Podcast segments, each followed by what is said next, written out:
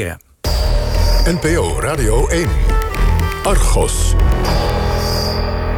In Media Logica kan de journalistiek tijdens de huidige coronacrisis in alle vrijheid haar werk doen Feit is dat wij als media geen antwoord krijgen op misschien hele prangende vragen die juist nu spelen. Verder is deze hele crisis een balanceeract tussen de mensen laten zien hoe erg het is en te voorkomen dat het land ten prooi valt aan redeloze paniek. Ik vind dat de journalistiek niet een soort blind een overheid moet volgen. Media en machthebbers tijdens de coronacrisis. Medialogica, dinsdag bij Human.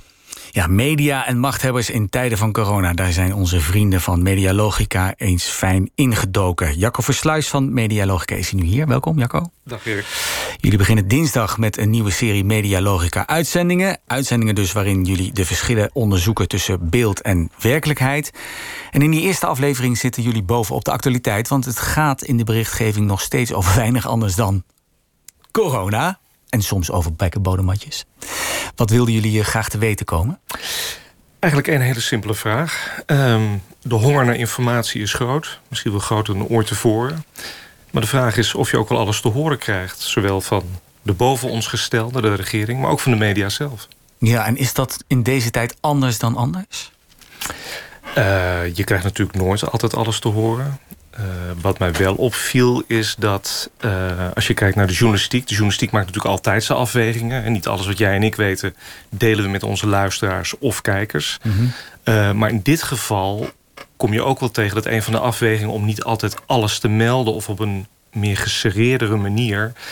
is de inschatting dat wellicht het publiek in paniek raakt. Dat is wel een inschatting die je regelmatig tegenkomt. Dat is wat journalisten is, nu doen in deze tijd? Nou, ze zullen het niet allemaal doen, maar in de uitzending zitten wel een aantal voorbeelden. Uh, Noem eens wat. Nou, bijvoorbeeld, uh, het is een kleintje, maar RTL Nieuws uh, heeft een Haagse redactie. nou, een bekend lid van die redactie is Frits Wester. Die wist eerder dan anderen dat een van de maatregelen zou zijn... dat ook de horeca dicht moesten. Dat wilde die brengen. En toen dat is nieuws. Dat is nieuws. Dat is geen grote primeur, maar zeker onder die omstandigheden was dat gewoon... Je was de eerste geweest. Normaal ja. is dat gewoon hup publiceren. Ja. Uh, die is toen door zijn, zijn hoofdredactie nou ja, teruggefloten. Er is toen intern bij RTL besloten... dit gaan wij niet brengen. Want, is de redenering... Uh, ja, als we dat brengen, dan... Uh, hè, we hebben net het hamsteren gezien in de supermarkten. Nou, wellicht komt er weer dat soort hamstergedrag op gang. Mensen gaan op grote schaal alcohol inslaan. Gaan allemaal naar de kroeg. Uh, dan is die anderhalve meter aan de toog is ook niet meer vol te houden. Dus uh, vanuit een soort maatschappelijke verantwoordelijkheid... wachten we gewoon op de persconferentie en brengen we het... nadat het wow. kabinet het bekend heeft gemaakt. Dit is wel, dat is wel nieuw, of niet? Was iedereen het daarmee eens? In die uitzending? Uh, nee.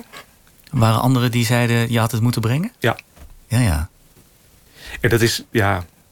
Kijk, achteraf uh, is natuurlijk altijd makkelijk oordelen. Hè? Ik bedoel, het, het, is, het is een afgewogen besluit. Uh, er is over nagedacht. Uh, dat er op zich is te prijzen, denk ik. Hè? Dat men zich bewust is van het feit dat berichtgeving ook effecten heeft. Dat men daarbij stilstaat.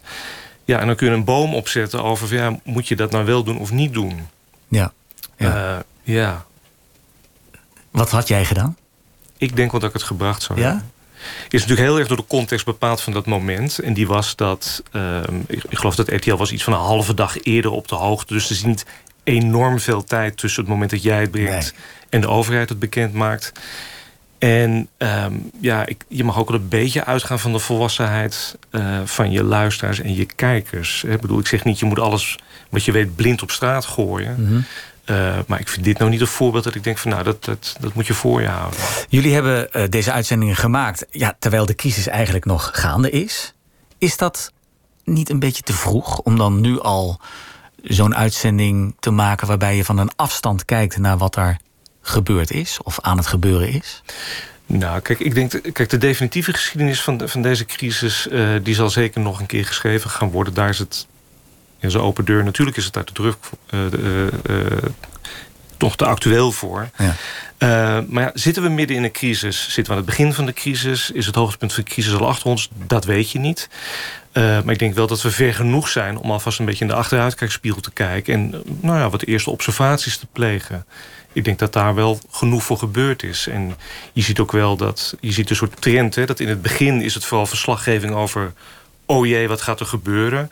En nu zitten we meer in een fase dat de eerste reconstructies komen. Er wat meer kritische verhalen. Hebben wel de goede inschatting gemaakt. Dus dat soort golfbewegingen, hoe wij de journalistiek met zo'n heel groot verhaal omgaan. Ja. Die zie je toch zich al wel aftekenen als je terugblikt. Dus Ik heb vanochtend eh, een, een, een ruwe versie van eh, je uitzending eh, bekeken. Ik Oh. zag daarin journalisten voorbij komen, inderdaad van RTL Nieuws, van de Volkskrant, van BNR, Nieuwsuur. Ik miste bijvoorbeeld de Telegraaf, de AD, de NOS. He- heeft iedereen die jullie hebben benaderd meegewerkt? Hebben ook misschien journalisten gezegd, nou, wacht nog maar even. Er was ehm, eh, allereerst, het begint met een hele banale overweging... dat we hebben 35 minuten zendtijd. Daar, gaat niet, daar past niet heel eh, journalistiek Nederland Nee. in. Ehm, er is één hoofdredacteur geweest... die ik verschillende malen heb benaderd. Heb ik ook contact mee gehad. En heeft uiteindelijk niks van zich laten horen. Van een krant. Eh, van een tv-zender. Vertel. Eh, volgens mij heet hij Bert Huisjes. Dat is WN, L. WNL. Het vrolijk rechtse geluid. Je weet dus niet waarom die niet heeft gereageerd? Ik kan het inschatten, maar ik weet het niet. Doe eens. Nou ja, kijk, eh, Bert Huisjes doet ook de hoofdredactie van Op 1. Eh, een bepaalde viroloog zit daar dermate vaak aan tafel... Dat het Osterhaus. programma inmiddels de bijnaam heeft Ab, op, Ab 1. Ab op Eh, één. ja, dus Ja. ehm, goed, ik, ik heb hem gevraagd eh, eh, eh, om een interview. Eh, Ja. dat ging trouwens niet zozeer over wat Osterhaus in dat programma beweert... in hoeverre dat nou wetenschappelijk steek houdt, ja of nee. Het had eigenlijk meer te maken met het feit dat de hoofdredacteur van de Volkskrant... Pieter Klok, in een eerder stadium heeft gezegd... dat Osterhaus bepaalde kritiek niet in dat programma zou moeten ventileren. In tijden van crisis Nou ja. had Osterhaus zich bij het RIVM moeten melden. Had niet in het televisieprogramma zijn kritiek moeten ventileren. Dus ik vond eigenlijk de kritiek van Klok... een journalist die zegt... critici dienen zich te melden bij het RIVM... vond ik eigenlijk opmerkelijker. Dat had ik graag met Huisjes willen bespreken. Maar goed, om hem moverende redenen die hij niet met mij had willen delen... eh, zat hij niet in de uitzending.